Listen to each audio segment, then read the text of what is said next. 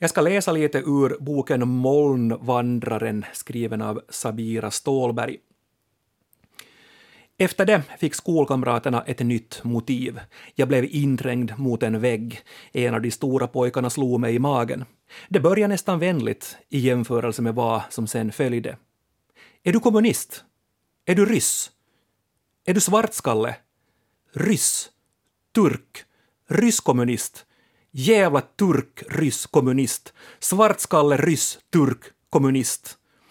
Min näsa blödde.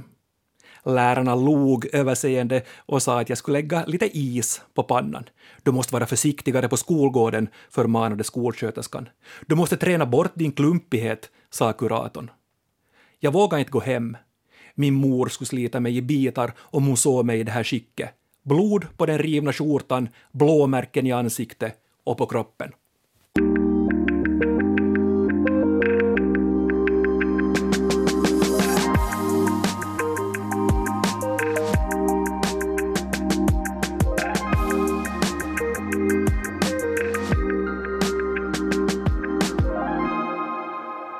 Näst sista ordet är tillbaka med mig, Jens Berg, och med språkexperten Jenny Sylvin. Hej.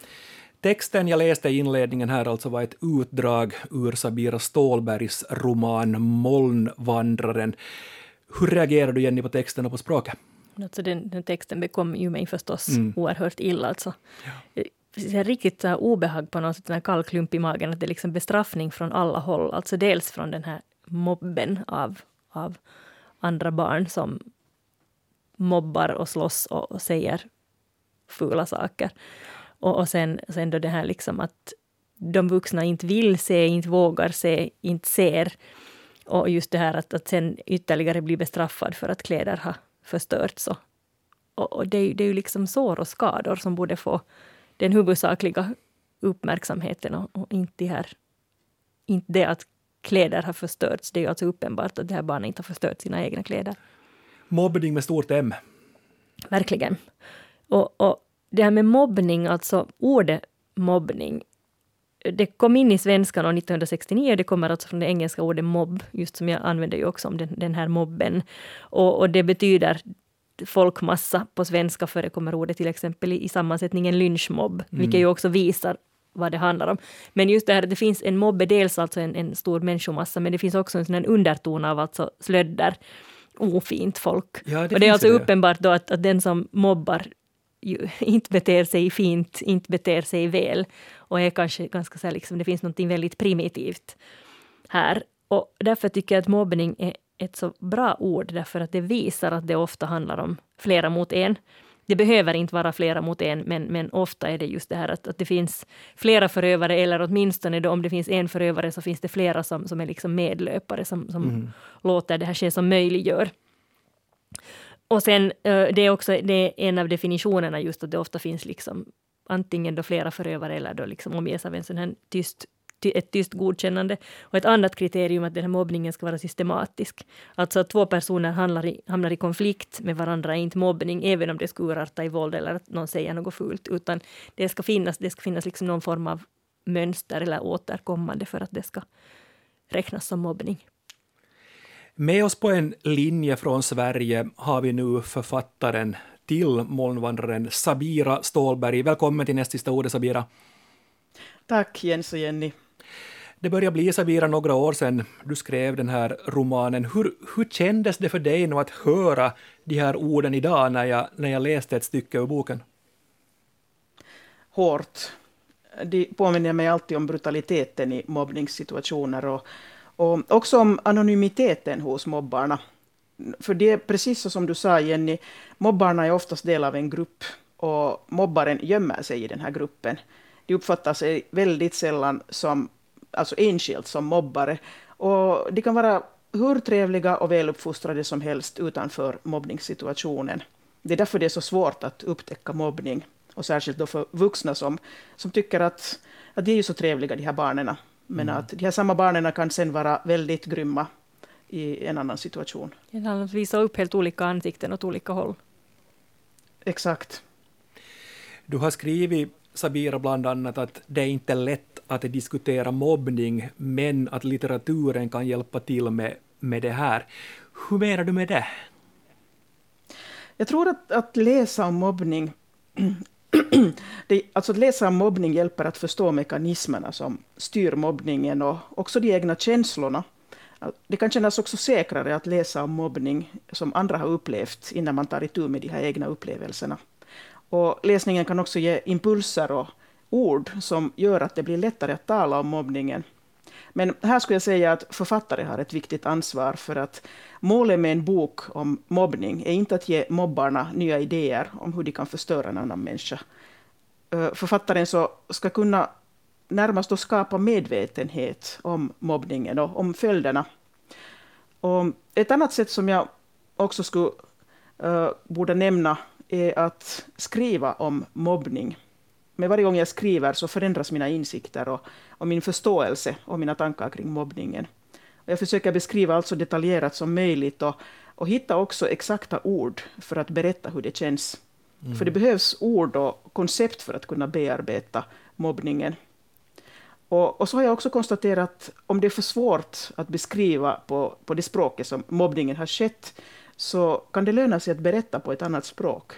För jag skrev Molnvandraren parallellt på svenska och finska, som då alltså mobbningen skedde på. Och sen har jag redigerat den på andra språk flera år senare. Och jag konstaterar att berättelsen blev olika med varje språk. Och det känns inte längre så, så smärtsamt att berätta om mina upplevelser. Och på de andra språken så kändes det annorlunda. Mm. Det är ju jättefascinerande. Jag har flera gånger tänkt att man blir en lite annan person när man byter språk. Men tydligen så kan upplevelser också byta skepnad lite grann när man översätter dem. Ja, det är ganska intressant att också minnen kan eh, bli annorlunda när man berättar om dem på ett annat språk.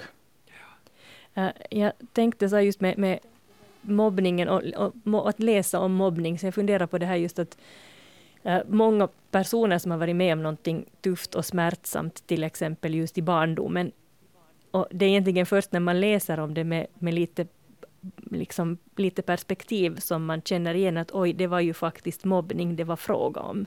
Eller det var faktiskt övergrepp det var fråga om. Att det, det är ju inte normalt att det ska vara på ett sådant här sätt.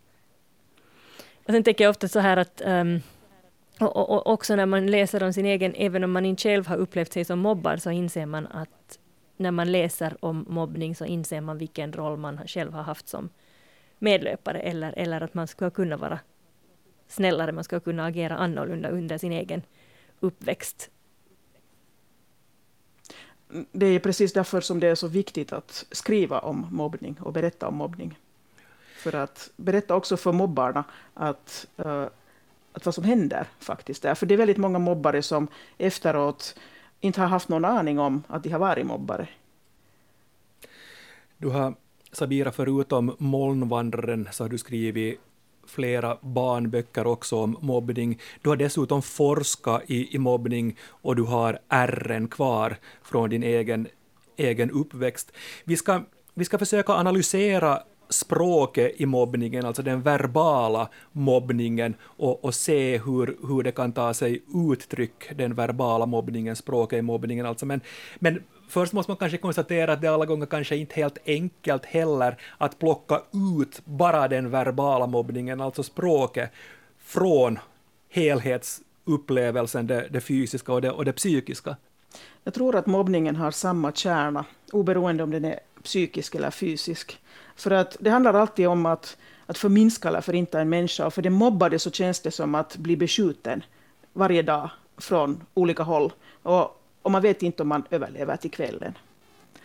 Och den verbala mobbningen så den känns också fysiskt och den har helt fysiska följder i kroppen. Alltså, eh, då jag gick i skolan så, så jag hade väldigt ont i ryggen och huvudvärk och hela tiden stela muskler bara på grund av att jag försökte försvara mig. Och jag var så otroligt rädd för att gå till skolan. Och, alltså en läkare ser ju inte de här blåmärkena som finns i, i psyke efteråt och de här skadorna. Och fysisk mobbning så den ackompanjeras alltid med psykisk. Så jag skulle säga att, att det är egentligen bara olika format eller olika former av samma sak. Mm. Men att då det gäller språket så måste vi först tror jag, ta en titt på grammatiken. För att i mobbningen så objektifieras den mobbade.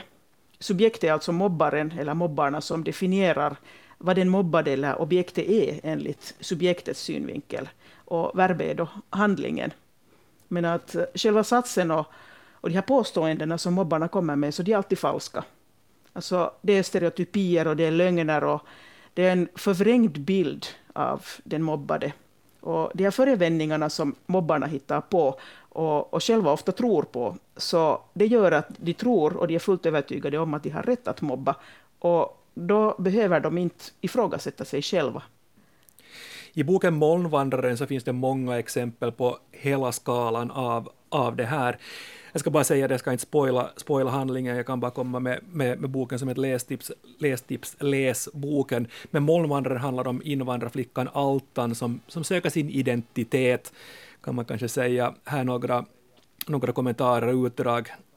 Altan fick höra det här snedöga, hundansikte, missfoster, altan kines, satt och fes, mongoloid, grisöga, efterbliven.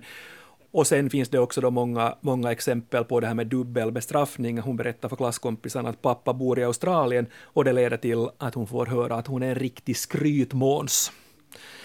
När, när du skrev den här boken, äh, Sabira, så själv upplevt mycket av det, men sen mycket forskning också. Hur mycket gick du in i själva språket i forskningen också när du skrev den här boken?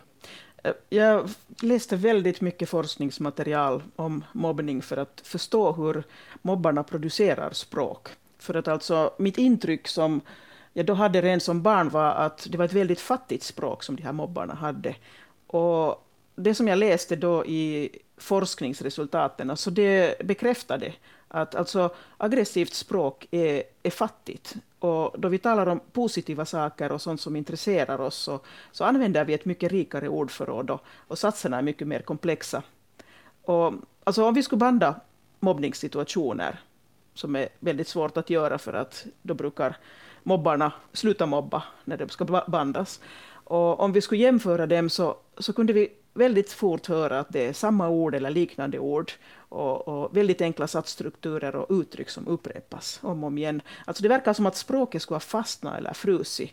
Uh, och, och, genom att upprepa gång på gång så försöker mobbarna göra alltså en lögn till en sanning. Och här kan vi faktiskt dra en parallell till, till dem som skapar falska nyheter och som tänker att om de upprepar tillräckligt många gånger så då tror folk mm. att det, det är sant. Men jag tycker det är intressant för att jag, jag, alltså på engelska talar man om bullying och på finska talar man om kiusaaminen. Och, och jag tycker det, det, det vill ännu komma tillbaka till att jag tycker att svenskans ord för mobbning är ett så bra ord därför att det handlar, det visar specifikt, det är liksom en, en viss typ av att retas. Eller det är en viss typ, alltså på To bully betyder just å ena sidan då mobbning, alltså bullying, men det betyder också att liksom i allmänhet att tvinga någonting till någonting eller trakassera. Och kiusata betyder också retas i största allmänhet. Att sen, sen talar man om koulukiusaaminen eller työpaikkakiusaaminen, det vill säga alltså skolmobbning, skolretning eller på arbetsplatsen för att specificera den här liksom kontexten för att man ska kunna förstå. Och då vet man ofta att just när det handlar om då skolretning så, handlar det då, så är det mobbning man menar, att just det, det finns något systematiskt i det här. Men sen läste jag alltså en studie av mobbning som globalt fenomen som visar just att nordeuropeiska språk tenderar att ha ganska specifika termer för mobbning. Nederländskan har det, de nordiska språken har det, finskan med hjälp av koulu och työpaikkakiusaaminen så får man det att bli något ganska specifikt. Medan till exempel romanska språk saknar en specifik okay. term. Så på franska kan man säga violence, som betyder våld. På italienska använder man bland annat ordet prepotenza, som alltså betyder arrogans. Och jag tror att det här, det här har betydelse för hur man forskar i mobbning och hur utbrett folk tycker att det här fenomenet är. Att om man har ett specifikt ord är det också lättare för folk att identifiera, ja, det här stämmer överens med min egen upplevelse. Medan om man använder ett ord som prepotenza, då att någon har varit arrogant, så finns det kanske fler som uppfattar att de har utsatts för det, vilket beror på att det här ordet sannolikt täcker ett lite större spektrum av elakheter än det man generellt verkar mena då med, mm. med mobbning. Ja. Men hur det än är med den här saken så är det alltså jätte, jätteviktigt att utgå att, att oavsett om folk upplever någonting annat som mobbning än, än det som vi då till exempel på svenska menar med ordet mobbning, så är det superviktigt att utgå ifrån att det är alltså det mobbade som avgör om det är fråga om mobbning eller inte. För många mobbare, precis som du Sabira sa, tycker själva alltså att de, de inte har gjort något fel eller att det var ett skämt eller att de inte menar något illa. Men alltså, om någon tar illa upp är det förövaren som gör fel och inte den mobbade som reagerar fel eller känner fel. När du skrev Molnvandraren, Sabira, så var det, den utspelar sig under en tid när internet inte var så utvecklat eller inte fanns. Men i barnboken Filip på nätet så sker mobbningen på på nätet, då som titeln säger, det är någon som sprider en nakenbild på Philips klasskompis Anja. Jag ska läsa lite grann ur den här boken också. Anja vänder bort huvudet, hon torkar sig kring ögonen. Jag får hela tiden nya meddelanden av okända personer, säger hon. Jag får meddelanden på natten också. Varför stänger du inte av telefonen? frågar Filip. Är du lite dum, fräser Anja. Om jag stänger av telefonen har jag ju ingen kontakt med mina vänner. Vilka nya dimensioner i mobbningen har, har nätet fört med sig, Sabira? Jag tror att nätet har gjort mobbningen osynligare. Alltså, när det inte längre finns så, så tydliga möten och, och så tydliga mobbningssituationer, alltså det fysiska våldet har, har minskat, eh, så, så det är väldigt svårt, särskilt då för vuxna, att upptäcka hos ungdomar och hos barn att, att någon mobbas. Men äh, också hos vuxna så har det blivit svårare att upptäcka det, för det är så väldigt lätt att kommentera på sociala medier och skicka privata e-postar och, och sånt som ingen annan ser. Och, och sen också att helt enkelt säga just det här att, att jag menar inte nå någonting illa, du har missförstått mitt mejl eller någonting sånt. Och mobbarna kan också gömma sig bakom pseudonymer och, och anonyma mejl. Och i många fall så vet inte den mobbade exakt vem som står bakom de här uh, nätattackerna.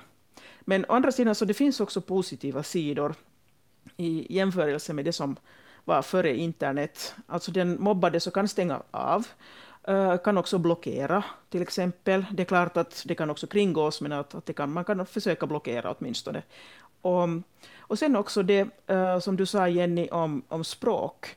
Uh, så i, alltså det som som handlar om att ha ett ord för mobbning och att ha ett specifikt ord för mobbning, så, så det är väldigt viktigt, därför att alltså mina böcker har översatts till flera språk och jag har samarbetat med översättarna väldigt mycket om att hitta ord på, för mobbning på språk där det inte har funnits ens det här konceptet om, om mobbning, utan det har då just varit trakasseri eller någonting sånt, eller våld helt enkelt. Och vi har då försökt förklara det här med mobbning och ofta också helt enkelt bara kalla det för mobbning för att, att ge då ett specifikt ord för det här specifika konceptet.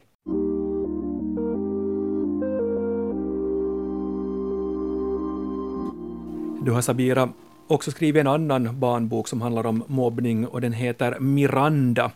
Jag ska läsa ett kort stycke från den också.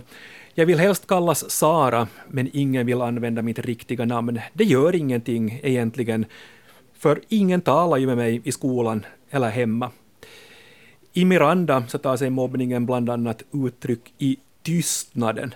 Ett hurdant vapen kan tystnaden vara? Sabira, vad säger du? Farligt. Alltså en person eh, som då har blivit utsatt för tystnad så, så fryser till och, och behöver någon som lyssnar och förstår för att bryta den här isen. Och om det inte finns någon som är beredd att lyssna och lyssna då på riktigt så finns det risk att den mobbade kan bli självdestruktiv.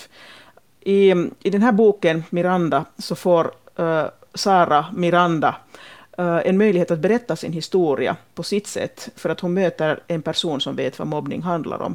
Och det hjälper henne sen också att berätta för sina föräldrar och i skolan om mobbningen. Det var, en, det var en barnbok, men jag kan, jag kan berätta att jag grät när jag läste den. Jag läste den också. Jag tyckte den, var, den gjorde ett stort intryck på mig. Mm. Hur, hur är det sen med, med tystnaden som vapen, alltså att, att mobbaren mobbar genom, genom tystnad? Vad säger ni om det här, både när det gäller mobbning av barn och, och mobbning av, av vuxna? Kan, det funka, kan tystnaden funka också som själva, själva vapnet? Alltså det handlar ju om makt, alltså tystnaden och, och också orden i mobbningen, så det handlar ju om makt. Alltså, det handlar om att mobbarna visar sin makt gentemot uh, någon annan. Och därför så, så söker mobbarna fram en person som de kan visa sin makt emot. Och, och de behöver ofta väldigt också se den här personens maktlöshet Och det är därför som till exempel nu på internet så det har blivit ganska vanligt också att de till exempel gör sådana nätträffar och, och där mobbar. Och, och, för att visa, att, alltså för att se den här. Och det känns alltså för den här mobbaren då att, att den har lyckats när den har visat sin makt. Och tystnaden är också alltså ett sätt att visa, visa makten. Men att det kan då brytas just genom att, att tala om det. Mm. Att tala om mobbningen. Alltså, man brukar, det finns också ett, ett, fenomen som ligger väldigt nära mobbning och det handlar just om liksom härska, härskarteknik. Och det finns då olika härskartekniker. Och det handlar alltså om ett manipulerande beteende där man just försöker, precis som du sa, förstärka sin egen position i en hierarki, försöka skaffa åt sig makt. Och jag var till exempel en gång helt i vuxen ålder med om en gruppdiskussion där jag råkade ut för en som försökte sig med härskarteknik på mig. Och det var jätteotrevligt. Men det var alltså en grupp som sammanträdde bara en gång, så det var alltså inte fråga om mobbning, men det tog tid för mig att förstå varför jag kände mig så tillplattad och att just försöka identifiera, på något sätt se den här situationen, liksom spela upp vad var det som egentligen hände. Och för mig var det också på något sätt jättekraftgivande att jag insåg att det var, det var nu någon som hade av olika orsaker, av någon orsak hade ett behov mm. av att få härska över mig. Och det var liksom en härskartekniksituation det var fråga om. Och många av de här typerna som härskare använder sig av är just sådana som är typiska för mobbning. Alltså man förlöjligar någon, till exempel just då att no, barn kan ofta vara ganska mera plumpa, just det här altan kines satt och fes, det är ju liksom mm.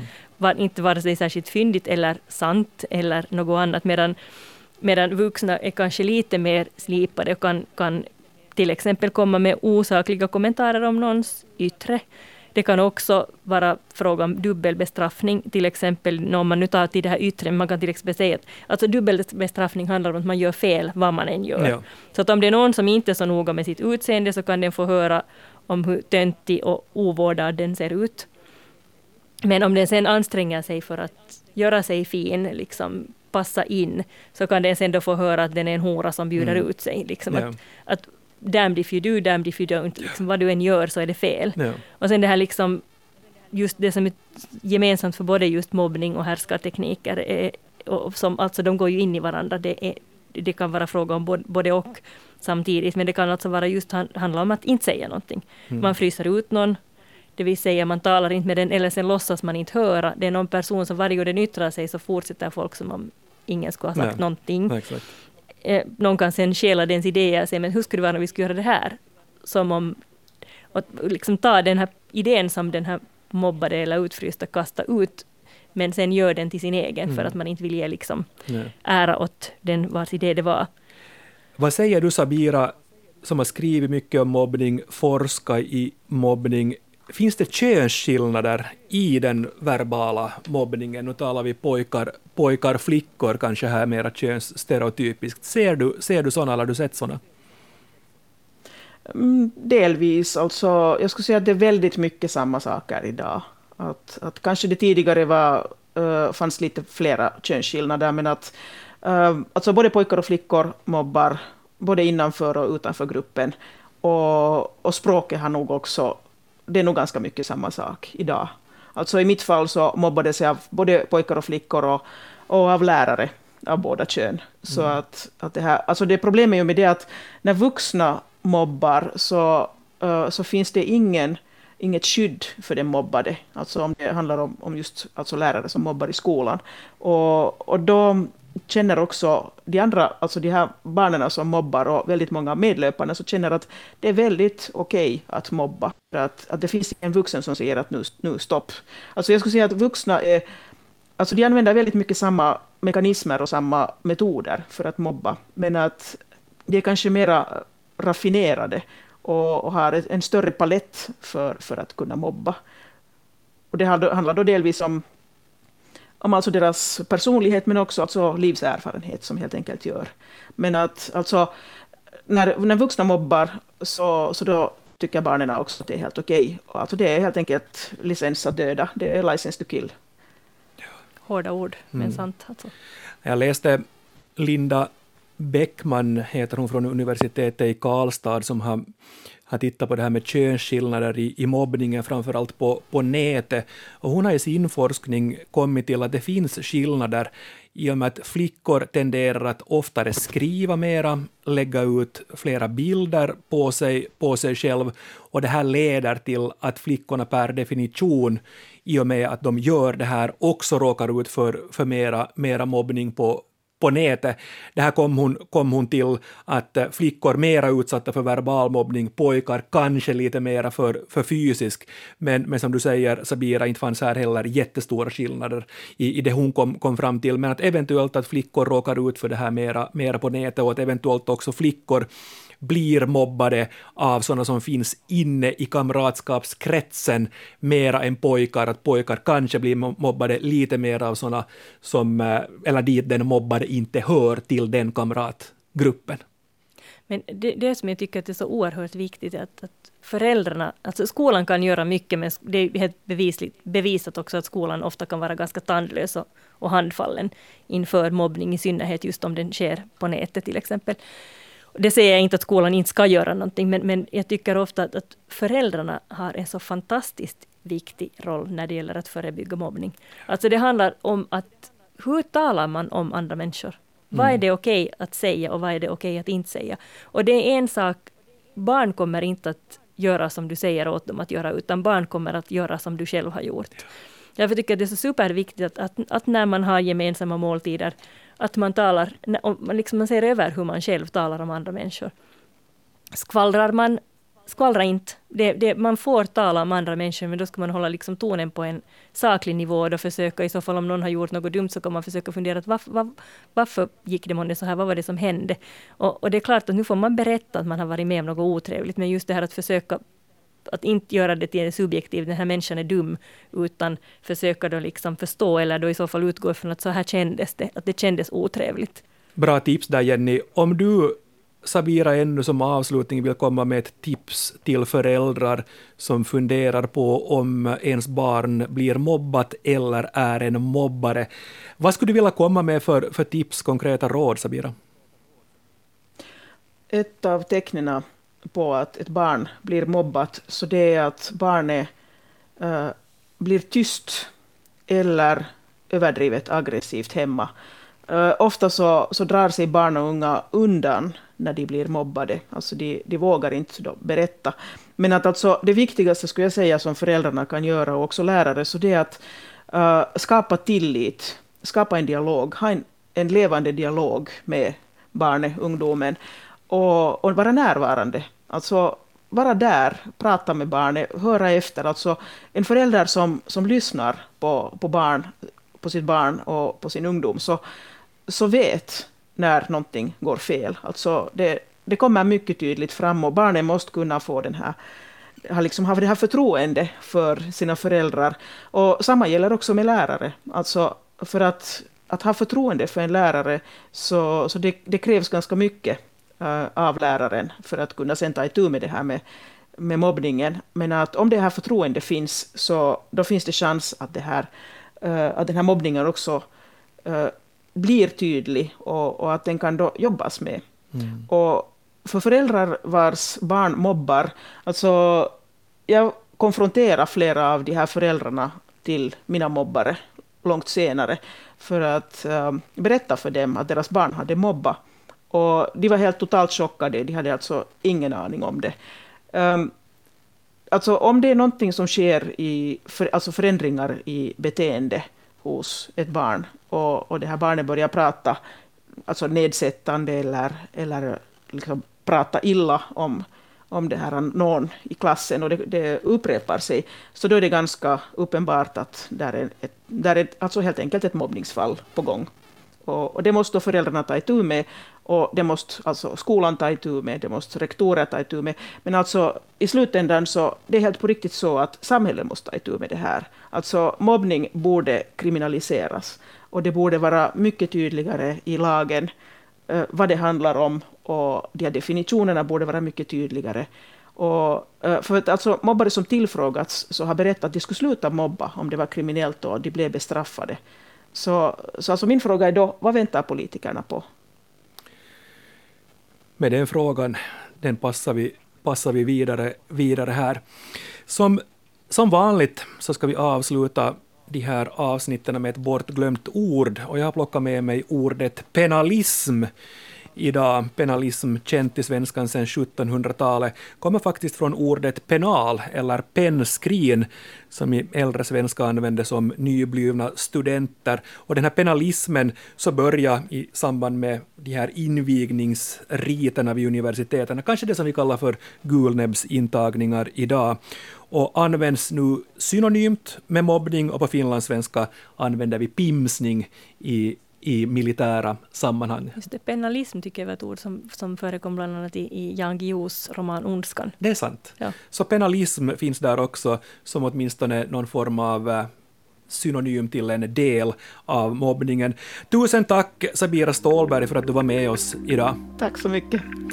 Och tack för all respons som väller in till oss här. Vi försöker svara på alla frågor och alla kommentarer vi får. Fortsätt gärna att skriva till oss på nastsistaordet yle.fi. Men nu för denna veckan säger Jenny och Jens morgens. morgens.